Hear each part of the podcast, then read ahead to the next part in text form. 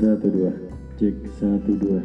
Berarti yang mau jadi penanyanya gitu moderatornya siapa gitu, biar lebih enak dibagi-bagi gitu. ya udah Pak Dian dah. Oke, berarti eh, saya nanyanya ini aja ya, lima poin ini ya.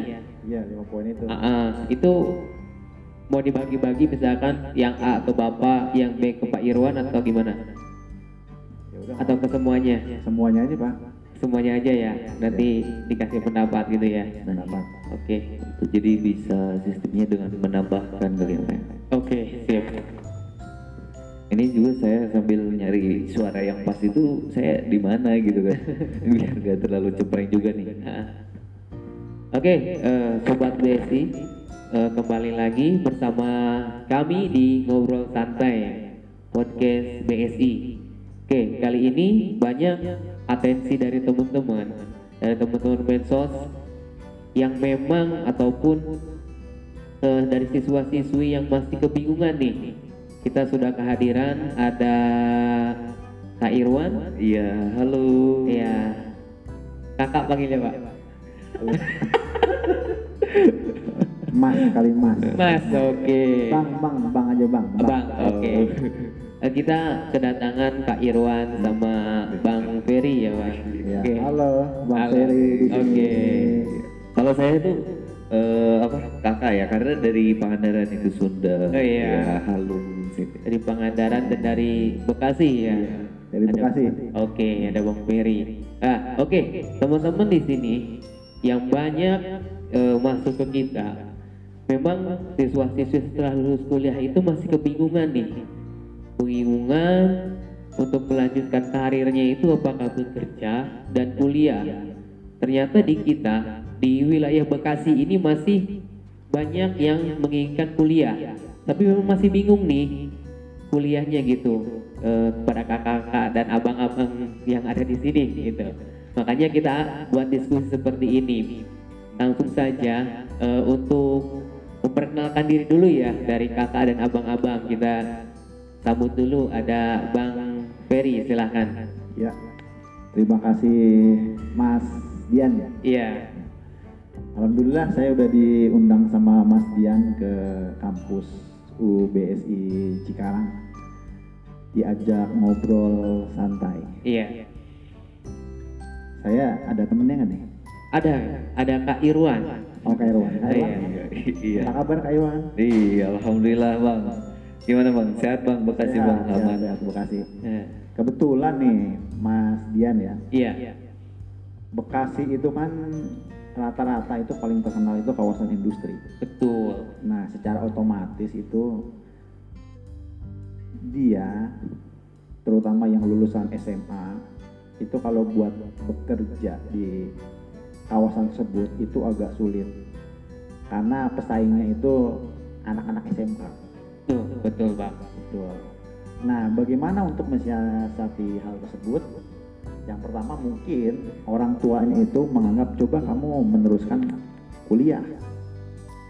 Cuma yang jadi permasalahannya adalah milih nih kira-kira yang cocok untuk saya itu fashionnya di mana. Ya, itu yang masih jadi kebanyakan galau dari siswa-siswi yang sudah lulus gitu ya. Betul. Betul. Apalagi dia jurusannya bukan yang SMK tapi SMA. Ya, iya. terutama anak-anak yang ilmu sosial IPS dulu di SMA-nya itu IPS nah Iya. ini yang menjadi galau Betul, betul. di sisi lain IPS itu kan biasanya belajar ekonomi terus kemudian akuntansi tetapi yang di jurusan tersebut sekolahnya atau kuliahnya itu sedikit Iya. Jadi galau di situ. Contoh misalnya begini.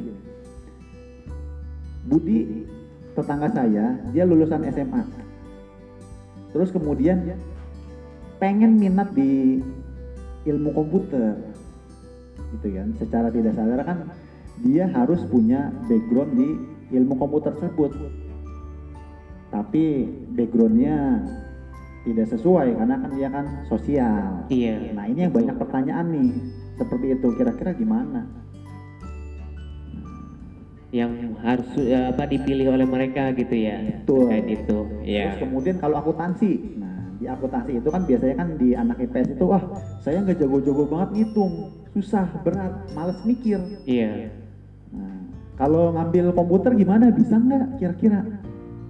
Gitu. Atau dipaduin deh komputer tapi ada ilmu akuntansinya. akuntansinya gitu Oh, iya. Seperti itu mungkin ya. banyak ya benar pak seperti itu ya Oh, banyak bang ya jadi seperti itu dari jurusan yang memang memungkinkan ya tidak linear dengan mereka apakah bisa melanjutkan kuliah gitu ya itu Betul. Nah, pengalaman yang sudah-sudah kebetulan saya juga mengajar di kampus UBSI iya itu rata-rata walaupun dia misalnya dari ilmu sosial ya di SMA-nya itu IPS dan dia pengen ngambil komputer terutama dia pengen bikin software iya itu masih bisa.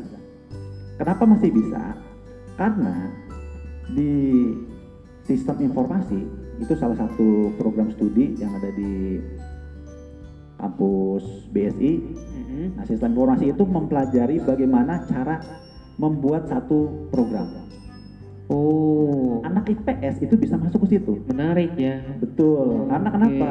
Dia belajar dasarnya dulu dari awal dasar. walaupun belum punya pengalaman tetap bisa Betul, tetap bisa. oke Gitu. Karena dia di pendidikannya nanti semester 1, 2, 3 sampai dia nanti sesuai dengan jenjangnya kalau S1 berarti 4 tahun, kalau D3 Mhm. berarti 3 tahun itu bisa mengikutinya karena ada dasarnya dulu. dasarnya dulu ya Betul. Begitu juga yang akuntansi. Saya pengen ngambil ilmu komputer juga misalnya, sistem informasinya. Pengen jadi programmer juga. Bisa.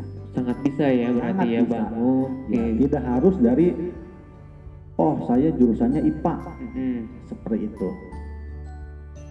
Oh jadi teman-teman informasi banget ya jadi walaupun memang tidak ada dasar di komputer ini teman-teman tetap bisa untuk menjalankan kuliah gitu ya. Betul, itu dari pengalaman saya saat mengajar. mengajar gitu ya. Sebelum mengajar kan saya biasanya nanya dulu nih gimana nih pengalaman kamu? Oh rata-rata dari IPS itu kalau misalnya SMA. SMA ya. Ya memang kalau IPA itu memang bukan seperti SMK ya. Memang ada jurusan-jurusan komputer ya contoh TKJ gitu kan ya. Jadi banyak memang yang kurang pede gitu bang. Kurang pede ketika dia jurusan IPA ataupun IPS komputernya itu masih kurang gitu tapi dia pengen masuk ke komputer berarti sangat bisa ya Betul, sangat, bisa. ya Yang penting itu tadi Pak, benar. PD yakin kalau Iya. dia jurusan yang dia pilih itu adalah dia mampu untuk mengikutinya. Betul. Oke. Itu ya berarti sangat menarik tuh. Jadi walaupun kita jurusan dari apa namanya jenis apa pun, terus jurusannya apa pun, tapi pengen ngambil jurusan yang berbeda ya gitu. berbeda tetap bisa gitu ya. Oke. Betul. Satu lagi Pak, Ah, boleh di kampus UBSI itu kan salah satunya ada sistem informasi ya. Sistem Nah, informasi. sistem informasi ini adalah program studi yang paling banyak dicari di perusahaan. Uh. Ini sangat apa sesuai dengan wilayah kita ya yang banyak industri. Nah, Oke. itu. Makanya dia mengejar ke situ. Dia ngambil jurusan sistem Eh, informasi. informasi. Oke.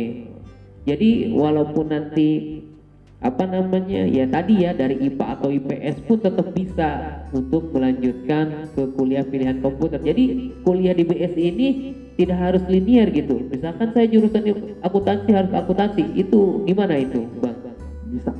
Oh jadi bisa berbeda ya, tidak harus linear dari IPA kimia, misalkan biologi harus ke biologi nggak bisa nggak seperti itu ya. Karena di BSI itu kita diajarkan dasarnya dulu dari dasar, Oke. terus kemudian ke tahap berikutnya sampai nanti tahap mahir.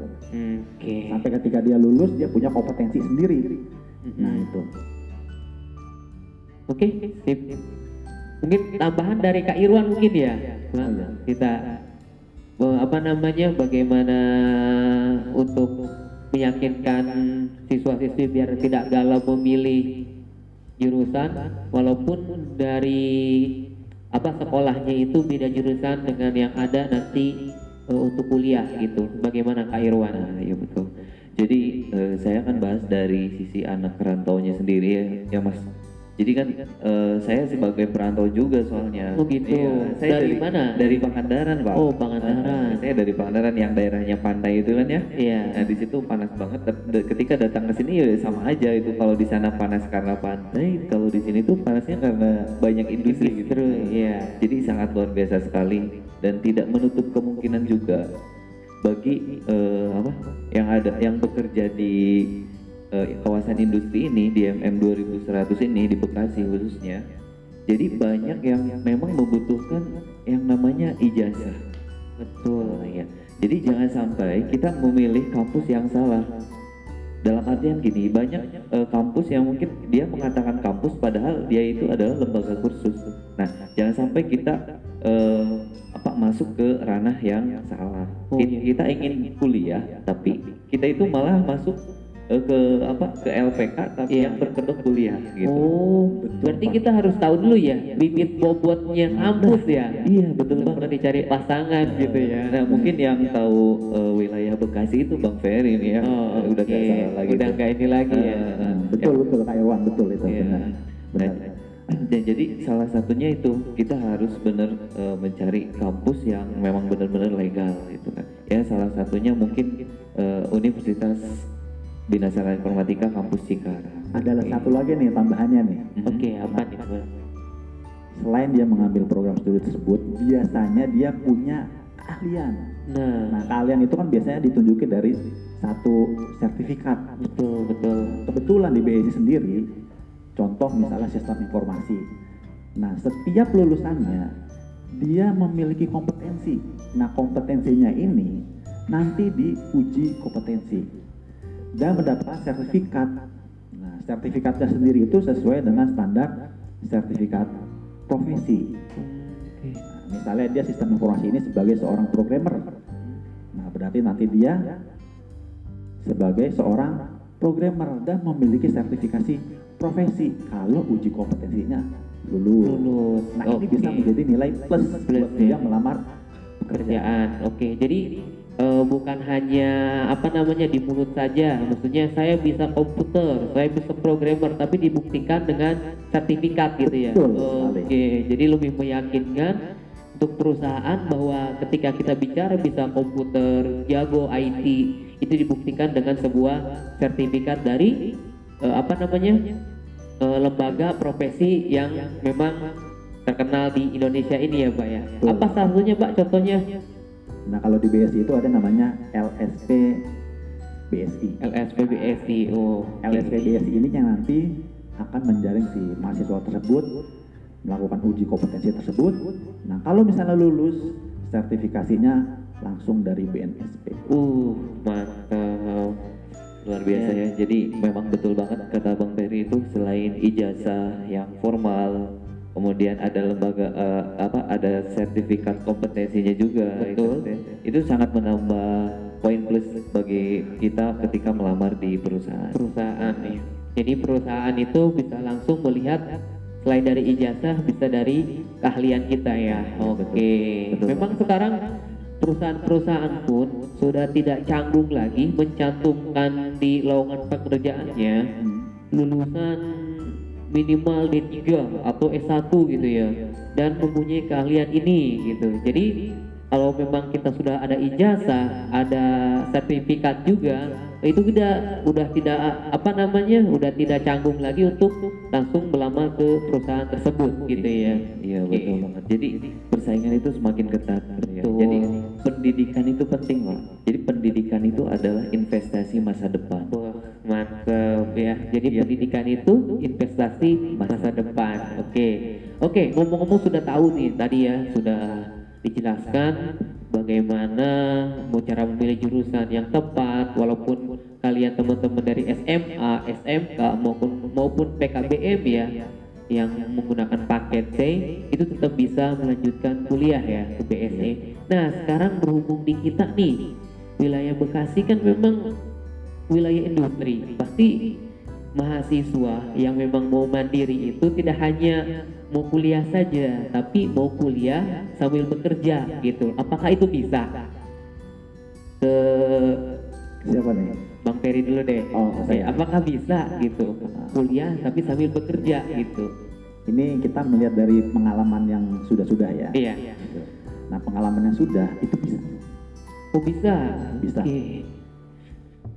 Terutama untuk yang sedang bekerja. Sedang bekerja ya. Bisa di kampus UBSI sendiri itu bisa. Jadi sangat bisa ya. Sangat Jadi bisa. kuliah sambil bekerja gitu. Betul. Nah untuk waktu kuliahnya nih gimana? Nah untuk waktu kuliah nih misalnya gini. Misal dia itu di perusahaan itu kan ada sistem shift. Iya betul. Kalau misalnya dia non shift sih enak, dia bisa daftar di kelas malam aja. Kelas malam aja ya. Nah. Oke. Tapi bagaimana yang non shift? Iya. Nah, kalau yang non shift itu enak, tinggal ngikutin. Kalau yang shift, nah yang shift ini dia saat dia kuliahnya malam, dia daftar malam. Iya. Nah saat itu juga dia misalnya shiftnya shift dua. Iya. Biasanya ada tiga shift kan ya. Kalau memang Shift- ada shift dua di perusahaan. Betul, biasanya kan shift 2 siang ya. Iya betul. Sore Jam sampai tiga malam gitu. ya. siang sampai jam 11 malam. Iya. Secara otomatis dia tidak bisa Kuliah gitu. Kuliah. Oh, Betul. Oke. Nah, bagaimana menyikapinya? Nah, dia bisa nih kelas di jurusan yang sama. Mhm. Di mana? Di pagi. Oh kelas pagi. Kelas pagi. Nah, kelas pagi itu kan mulainya dari jam 7 sampai jam 4 sore. Hmm, range waktunya ya. Waktunya Oh, betul. Nah, dia bisa mengikuti di rank waktu tersebut. Seperti itu, yang udah-udah sih bisa. Jadi lebih fleksibel ya. Lebih gitu, fleksibel dan bisa diikuti oleh kalangan pekerja. bekerja. Jadi ketika memang terbentrok dengan si bekerjanya itu bisa eh, apa namanya pindah pindah kelas gitu ya ke kelas pagi yang penting sesuai dengan mata kuliah ya gitu ya. Oke. Itu ya. Jadi waktu kuliah sebenarnya aman ya, aman untuk bagi pekerja. Karena memang sesuai dengan wilayah kita adalah wilayah industri gitu. Kak Iwan mungkin ada tambahan? Nah, dari saya sendiri sih melihat dari sisi umumnya aja ya. Dari kebetulan teman saya juga ada yang eh, kuliah sambil bekerja juga. Dia salah satu eh, bekerja di salah satu perusahaan di MM 2100 juga. Oke. Nah, kebetulan dia kuliah di BSI Cikarang juga sih. Jadi dia itu sangat luar biasa sekali dalam membagi waktunya. Eh, ketika dia pagi hari itu jam 5 setengah lima itu dia udah mulai bangun aktivitas itu jadi udah mulai aktivitas dia sampai di perusahaannya jam 7 kemudian dia pulang jam jam 4 gitu. Iya. setelah jam 4 dia langsung balik lagi ke kampus buat melaksanakan aktivitas sampai malam Wih, jadi sangat luar biasa sekali dan itu wajar itu wajar karena ya itu kita itu lagi ikhtiar Mhm. untuk menata masa depan men- menata masa depan supaya lebih baik lagi Oh. gitu ya Jadi satu hari itu ak- aktivitas penuh ya. ya gitu ya. aktivitas penuh namun eh, pastilah yang namanya kuliah tidak sama dengan eh, SMA, mungkin SMA eh, gitu ya. eh, mungkin di BSI juga sendiri kan eh, tidak eh, dari Senin sampai Jumat juga kan kuliah jadi ada jadwalnya sendiri Oh gitu. Jadi lima hari ini ya, lima hari kuliah ya, dua hari libur gitu ya. Iya, Oke. Untuk lama nih, lama lama perkuliahannya, lama perkuliahannya minimal satu mata kuliah itu berapa jam ya? Bagi yang memang apa namanya eh, yang bekerja gitu jadi bisa bisa menyisihkan waktu dalam satu hari itu ketika mendapatkan satu mata kuliah dengan jumlah SKS-nya 4 itu berapa jam ya kita ke Bang Ferry Ya. KS itu 50 menit, 50 menit ya 50 menit. oke Kalau misalnya dia dua, ya berarti tambah 50 menit lagi. oh Kalau tiga, tambah 50 menit lagi. mm-mm. Berarti sekitar kalau 4 SKS itu 200 menit ya Ya, berarti sekitar berapa jam itu? 200 menit kisaran 4 jam ya Nah, hampir 4 jam lah ya. hampir 4 jam ya Yang jadi pertanyaan mungkin begini. Mm-mm. Kalau misalnya dia masuknya jam 5, kuliah masuk jam 5, jam 5 sore ya kerjanya pulang jam 5 di kawasan Egypt misalnya. nah itu gimana tuh Biasanya saya sebagai dosen, si mahasiswa tersebut konfirmasi. Konfirmasi. Ya, paling tidak dia cerita lah, Pak, kita mulainya jam 7 sore, lalu nggak mulai jam berapa, misalnya jam 5 sore, atau mulainya jam 8 malam gitu misalnya. Iya. Konfirmasi, saya dari kantor pulang jam 5 sore. Pas banget masuk kuliah gitu ya. Pas masuk kuliah di jam pertama misalnya hari Senin. Iya. Gitu. Komunikasi ke dosennya. Lama dari kantor saya ke kampus 10 menit saya naik motor.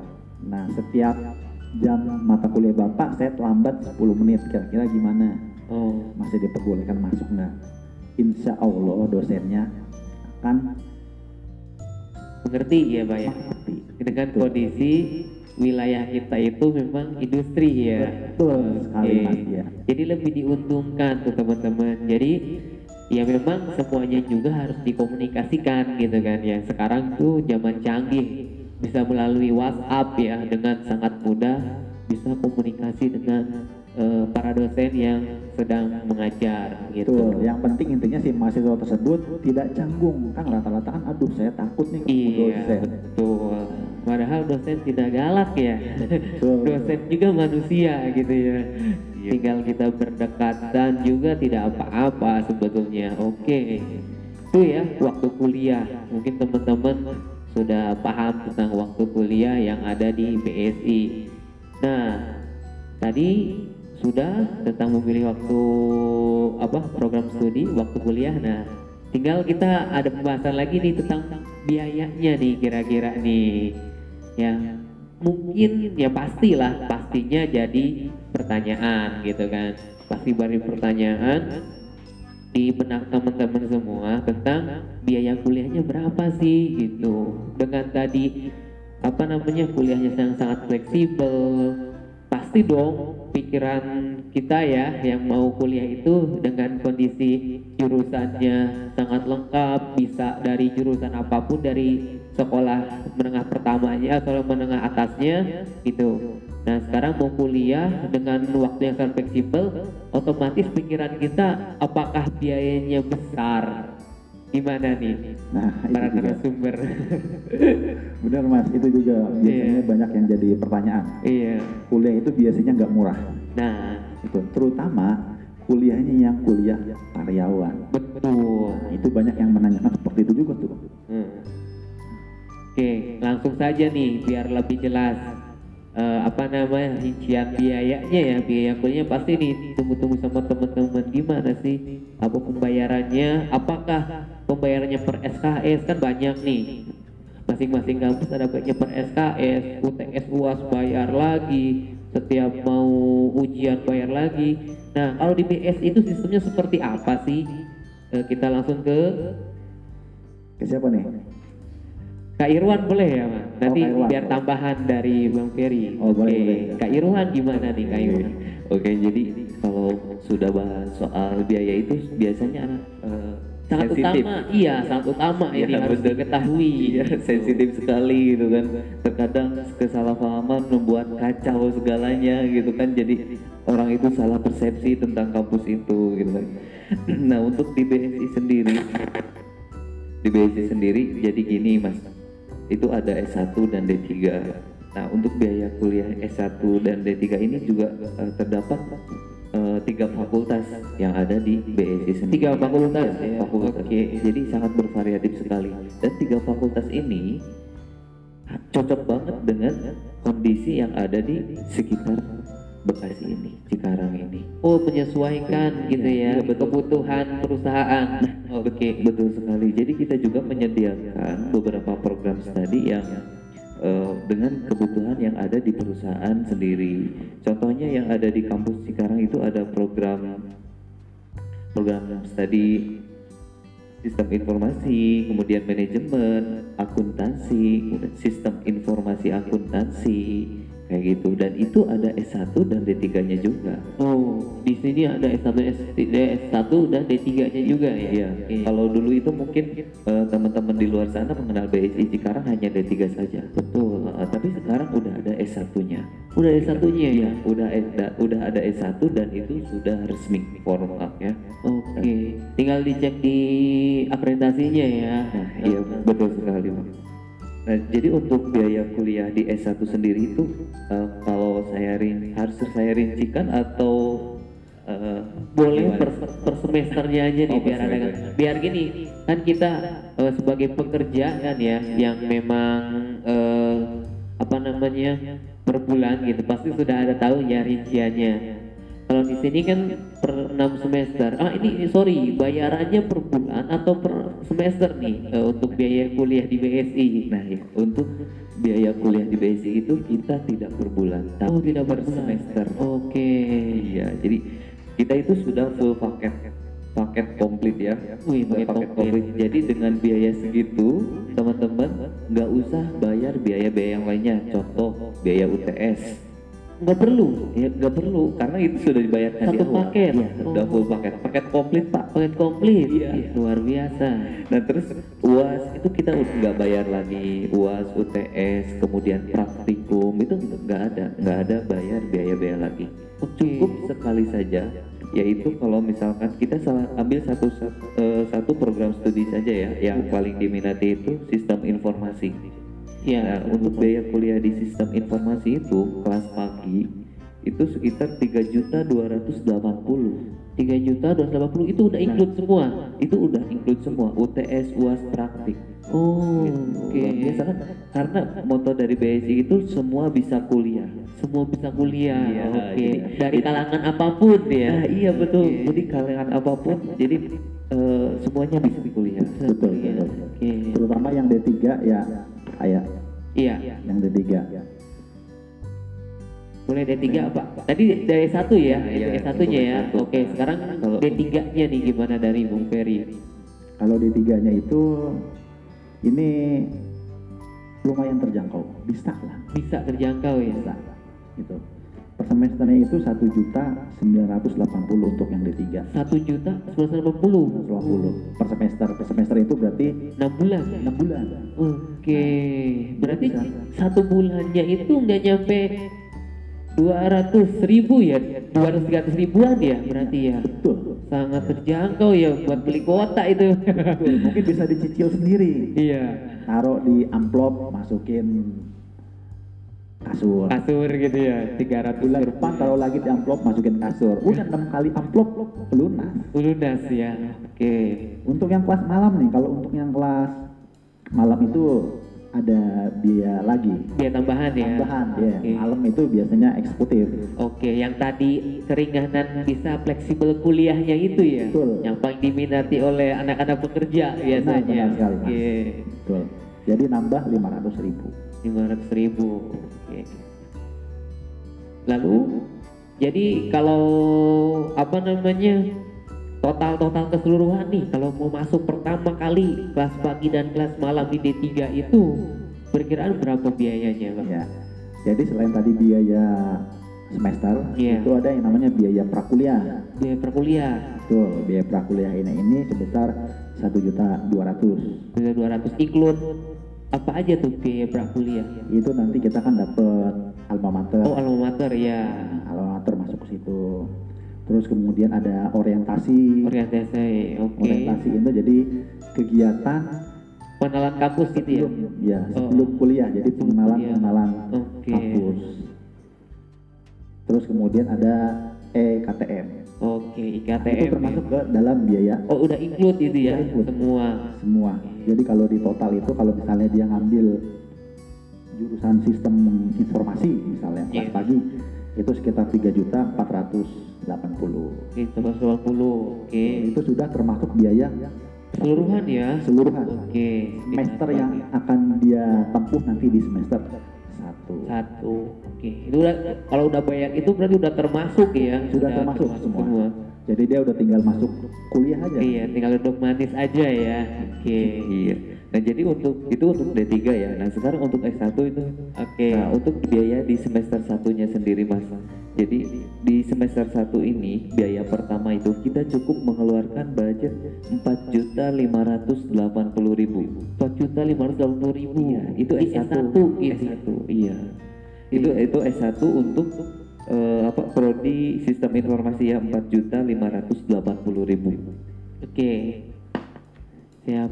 Oke, itu ya apa namanya? Intinya sih untuk lebih jelasnya nih, lebih jelasnya cara daftarnya nih, apakah perlu langsung kita datang ke kampus atau gimana nih? Nah ini kalau Untuk ini yang di cocok, yang cocok kayaknya Irwan ya. Kak Irwan ya, gimana nih Kak? Kita kan mau daftar nih, apakah harus perlu ke kampus? Masalahnya sekarang ini kondisinya ya, kondisinya itu memang eh, sedang tidak aman lah ya. Betul, Kita jalan-jalan pun harus menerapkan protokol kesehatan gitu. Itu gimana nih dengan seperti ini? Kita mau kuliah atau mau kepo-kepoin, kepoin Instagram siapa, Twitter siapa gitu kan? Stalking mantan mulu nih soalnya. Gimana nih kak? Silakan kak. Nah, di BSI sendiri sangat luar biasa sekali. Jadi eh, kampus BSI sendiri sudah em, apa mengarah ke digital semua ya. Digital. Mulai oke. dari pendaftaran, perkuliahan sampai nanti eh, kita itu bisa melihat nilai-nilai yang kita dapat itu secara digital juga, secara, secara online juga. Secara online. Iya. Beri- kalau untuk pendaftaran sendiri dalam masa pandemi ini kita sudah mengeluarkan yang namanya aplikasi PMB UMSI. PMB UMSI. Iya. Itu bisa di-download. Nah, itu berbasis eh, apa? Eh, berbasis Android. Android. Iya, Oke. jadi bisa teman-teman download di Play Store. Itu udah ada untuk iOS dan Androidnya juga sudah Android. ada. Itu gratis kak. Nah, itu gratis banget dan Gratis banget. dan tidak perlu apa ya menghabiskan memori yang banyak gitu. Itu cuma 20 MB -an. 20 MB-an. Iya. Kita sudah bisa daftar gitu ya. Iya betul. Oke. Jadi kita cukup uh, download aplikasi PMP UPSI di Play Store. Teman-teman tinggal daftar di rumah. Nanti bayarnya secara online juga. Nggak usah datang. Bayar juga online, daftar online, bayar online juga. Bener Oke. banget. Untuk pendaftarannya sendiri melalui aplikasi bayarnya kita bisa via ATM, Via ATM, e-banking ataupun via gerai Indomaret atau Alfamart. Nah, Alfamart itu. di nomor bisa. Paling enak tuh ya di situ ya. Iya. Setiap hari tuh kita belanja ke situ ya. Nah iya betul jadi sudah em, jadi mempermudah sekali BSI mempermudah sekali bagi masyarakat di luar sana yang ingin kuliah dengan tadi ya semua bisa kuliah. Semua bisa kuliah. Iya. Oke. Itu ya pendaftarannya sangat mudah sekali ya. Udah sekali. Oke. Nanti eh, apa namanya jadi kesimpulannya teman-teman? Eh, kesimpulannya berarti kuliahnya itu sangat gampang, tinggal menggunakan handphone, tinggal bayar dengan secara online pula gitu ya. Dan di sini oh terakhir nih, sorry terakhir, terakhir kalau kita sudah lulus nih, apa biasanya ini pertanyaan-pertanyaan yang sangat penting ya dari calon mahasiswa itu apakah ada penyaluran nih atau ada informasi tentang lowongan pekerjaan itu ada tidak nih lembaga atau wadah wadahnya dari kampus BSI ini gitu. Siapa nih?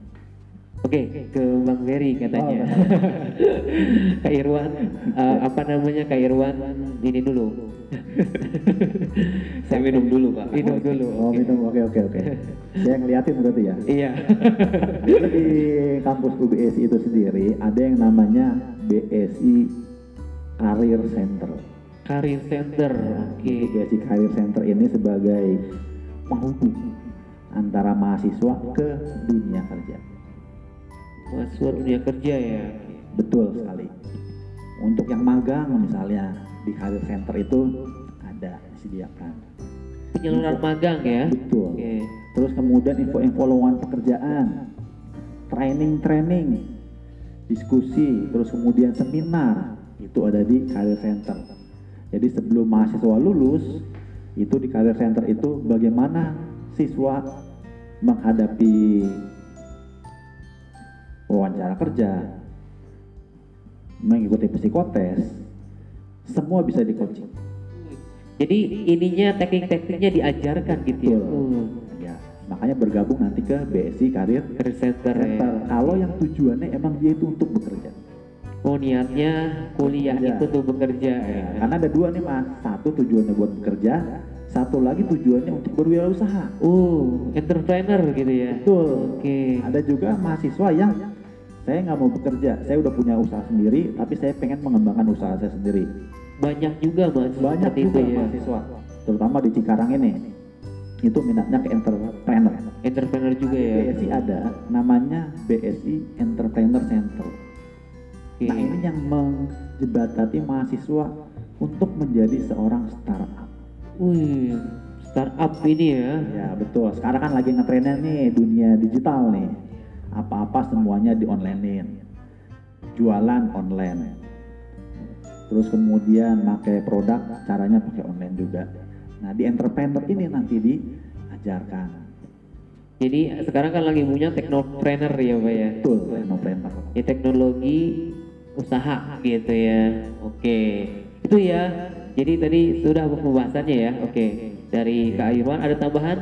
Nah mungkin eh, benar banget ya. Jadi yang diharapkan orang banyak ataupun yang mendaftar kuliah itu ada lembaga untuk menyalurkannya. Betul. Jadi jangan sampai kita capek-capek lama kuliah, kita kebingungan sendiri gitu. Ya, soalnya kan sekarang banyak ya, banyak yang memang setelah kuliah itu malah menganggur kan Nah, gitu. iya betul, bukan menjadi solusi untuk masalah pengangguran, melainkan menambah itu, menambah, Menambah, penganggurannya gitu. Jadi ini bagus sekali ada lembaga BEC dan BCC-nya untuk menyalurkan para alumninya sendiri gitu kan. Dan di BSI sendiri eh, tidak menjamin 100% kerja. Kan ada mungkin ya di luar sana yang menjamin 100% kerja, setelah lulus 100% kerja. Iya. Nah, tapi di sini eh, yang bagusnya BSI menyediakan lembaga ataupun eh, menjembatani gitu. Kan balik lagi ke diri sendiri. Kalau kita ingin kuliah, kalau kita ingin kerja, ya balik lagi ke diri sendiri. Gitu ya. Jadi tidak menjamin. Kalau kita menjamin, sedangkan anaknya nggak mau, gimana coba? Iya, betul. Jadi tergantung passion anaknya juga ya. Iya betul. Mau bekerja ataupun mau entrepreneur gitu ya. Nah, Iya betul. Jadi BSI lebih ke menyediakan fasilitator itu ya. Nah, tinggal iya. anaknya tinggal memilih sendiri. Oke, jadi tidak mengekang harus kamu harus jadi ini, harus jadi itu enggak juga gitu ya. Iya, betul, Memang betul. ada beberapa perguruan tinggi yang memang langsung ketika kamu masuk sini langsung mau dijadikan ini gitu kan. Oke. Nah, dan ujung-ujungnya nggak betah. Iya betul ujungnya agak betah. Kalau nggak ujung-ujungnya kontrak setahun gitu ya. Iya. Baru seminggu masuk udah kelar, keluar. Karena tidak sesuai dengan passionnya. nah iya betul. Oke. Oke ngomong-ngomong kita sudah lama juga nih. Udah ngobrol udah hampir 40 menit kita tidak apa ya, tidak Nggak kerasa. terasa gitu ya. gitu kan tentang eh, tadi dari mulai awal pemilihan jurusan, waktu kuliah, biaya kuliah, setelah kuliah itu di saluran atau tidak sudah juga disampaikan sampai cara pendaftarannya pun sangat mudah ya. Nah betul. Di rumah saja menggunakan aplikasi gitu. Oke. Saya rasa sudah cukup. Nanti teman-teman silakan eh, kalau yang belum apa namanya belum paham ataupun masih kebingungan, kira-kira ada kontak person atau sosial yang perlu dihubungi nggak nih kakak-kakak dan abang-abang? Boleh banget nih kalau teman-teman yang masih bingung atau mau tanya-tanya seputar kuliah sharing, eh, teman-teman bisa langsung kontak hubungi ke saya aja di Instagram irwan046 underscore atau melalui WA juga boleh. Boleh, Eh, biar personal langsung gitu. boleh. Di Silakan. 081 321 triple 200. Oke, catat ya. Masih single, ingat Kairo masih single. Sekalian. Gitu. Oke. Kini itu ya, atau media sosial kampusnya gitu yang memang perlu di follow oleh teman-teman. Jadi kan kita di sini ada di Kabupaten Bekasi sendiri itu ada dua kampus. Dua kampus, Ya, oke. Di Kota Bekasi ada dua kampus juga. Dua kampus juga. Kalau di kabupaten sendiri itu ada yang paling terdekat di Cibitung. Cibitung, oke. Dan kalau di kabupaten juga yang paling dekat dengan Cibitung Cikarang. Cikarang, Pokoknya Cibitung dan Cikarang, oke. mungkin bisa diinfoin medsosnya nih, Iya, boleh. Kairwan. Medsosnya. Balik lagi ini. Nah, tadi tadi baru promosi secara personal Kak Irwan. Iya, Sekarang betul. kampusnya silakan. Eh, Iya benar. Jadi untuk kam- medsos kampus UMSI Cikarang sendiri itu Instagramnya UMSI underscore Cikarang gitu ya. Kalau untuk Cibitung sendiri at Ubsi Cibitung nggak pakai spasi gitu. Oke. Pokoknya teman-teman tinggal searching aja di Instagram. eh, di Instagram ada Ubsi Cikarang dan Ubsi Cibitung. Nah itu nggak salah lagi itu follow-nya banyak dan itu banyak informasi-informasi menarik seputar kampus. seputar kampus ya. Iya. Oke. Siap. Itu ya teman-teman dari Instagramnya sudah disampaikan. Jadi kalau mau apa namanya mau kuliah silakan di follow Instagramnya dan dikepo-kepoin lah. Tadi juga sudah disampaikan. Silakan tinggal download saja ya di Play Store. Oke, terakhir penutup dari abang-abang dan kakak-kakak yang di sini silakan eh, apa namanya eh, obrolan terakhir silakan ya yang mau Quotes ya. disampaikan terakhir apa ada ya? buat terakhir lah untuk oke, menutup oke. obrolan kita hari ini silakan Kak Irwan dulu Kak Irwan Siapa nih? Coba Bang. Bang Ferry dulu deh Oh, silakan dulu. Heeh. Oke. Kalau dari saya, jika kamu mampu, jalanin. Tapi jika kamu tidak mampu, tetap jalanin. Insya Allah, di depan nanti ada jalan keluar yang terbaik buat kita. Oke, luar biasa. Oke, luar biasa. Tetap jalanin saja. Oke, Kak Irwan. nancep banget itu ke hati bang yang barusan itu nancep banget itu ya. Iya, hati ini banget ya. gitu nah untuk dari saya sendiri tetap ya dari awal sampai sekarang pendidikan adalah investasi masa depan oke Oke, gitu ya investasi masa depan. Oke, keduanya luar biasa. Terima kasih atas waktunya sudah hadir di ngobrol santai hari ini. Ya. Oke, seputar eh, kampus UBSI. Oke, terima kasih atas waktunya Kak Irwan dan Bang Ferry. sama-sama Mas Iya. Dian. Oke, saya tutup eh, acara hari ini. Assalamualaikum warahmatullahi wabarakatuh. Warahmatullahi wabarakatuh.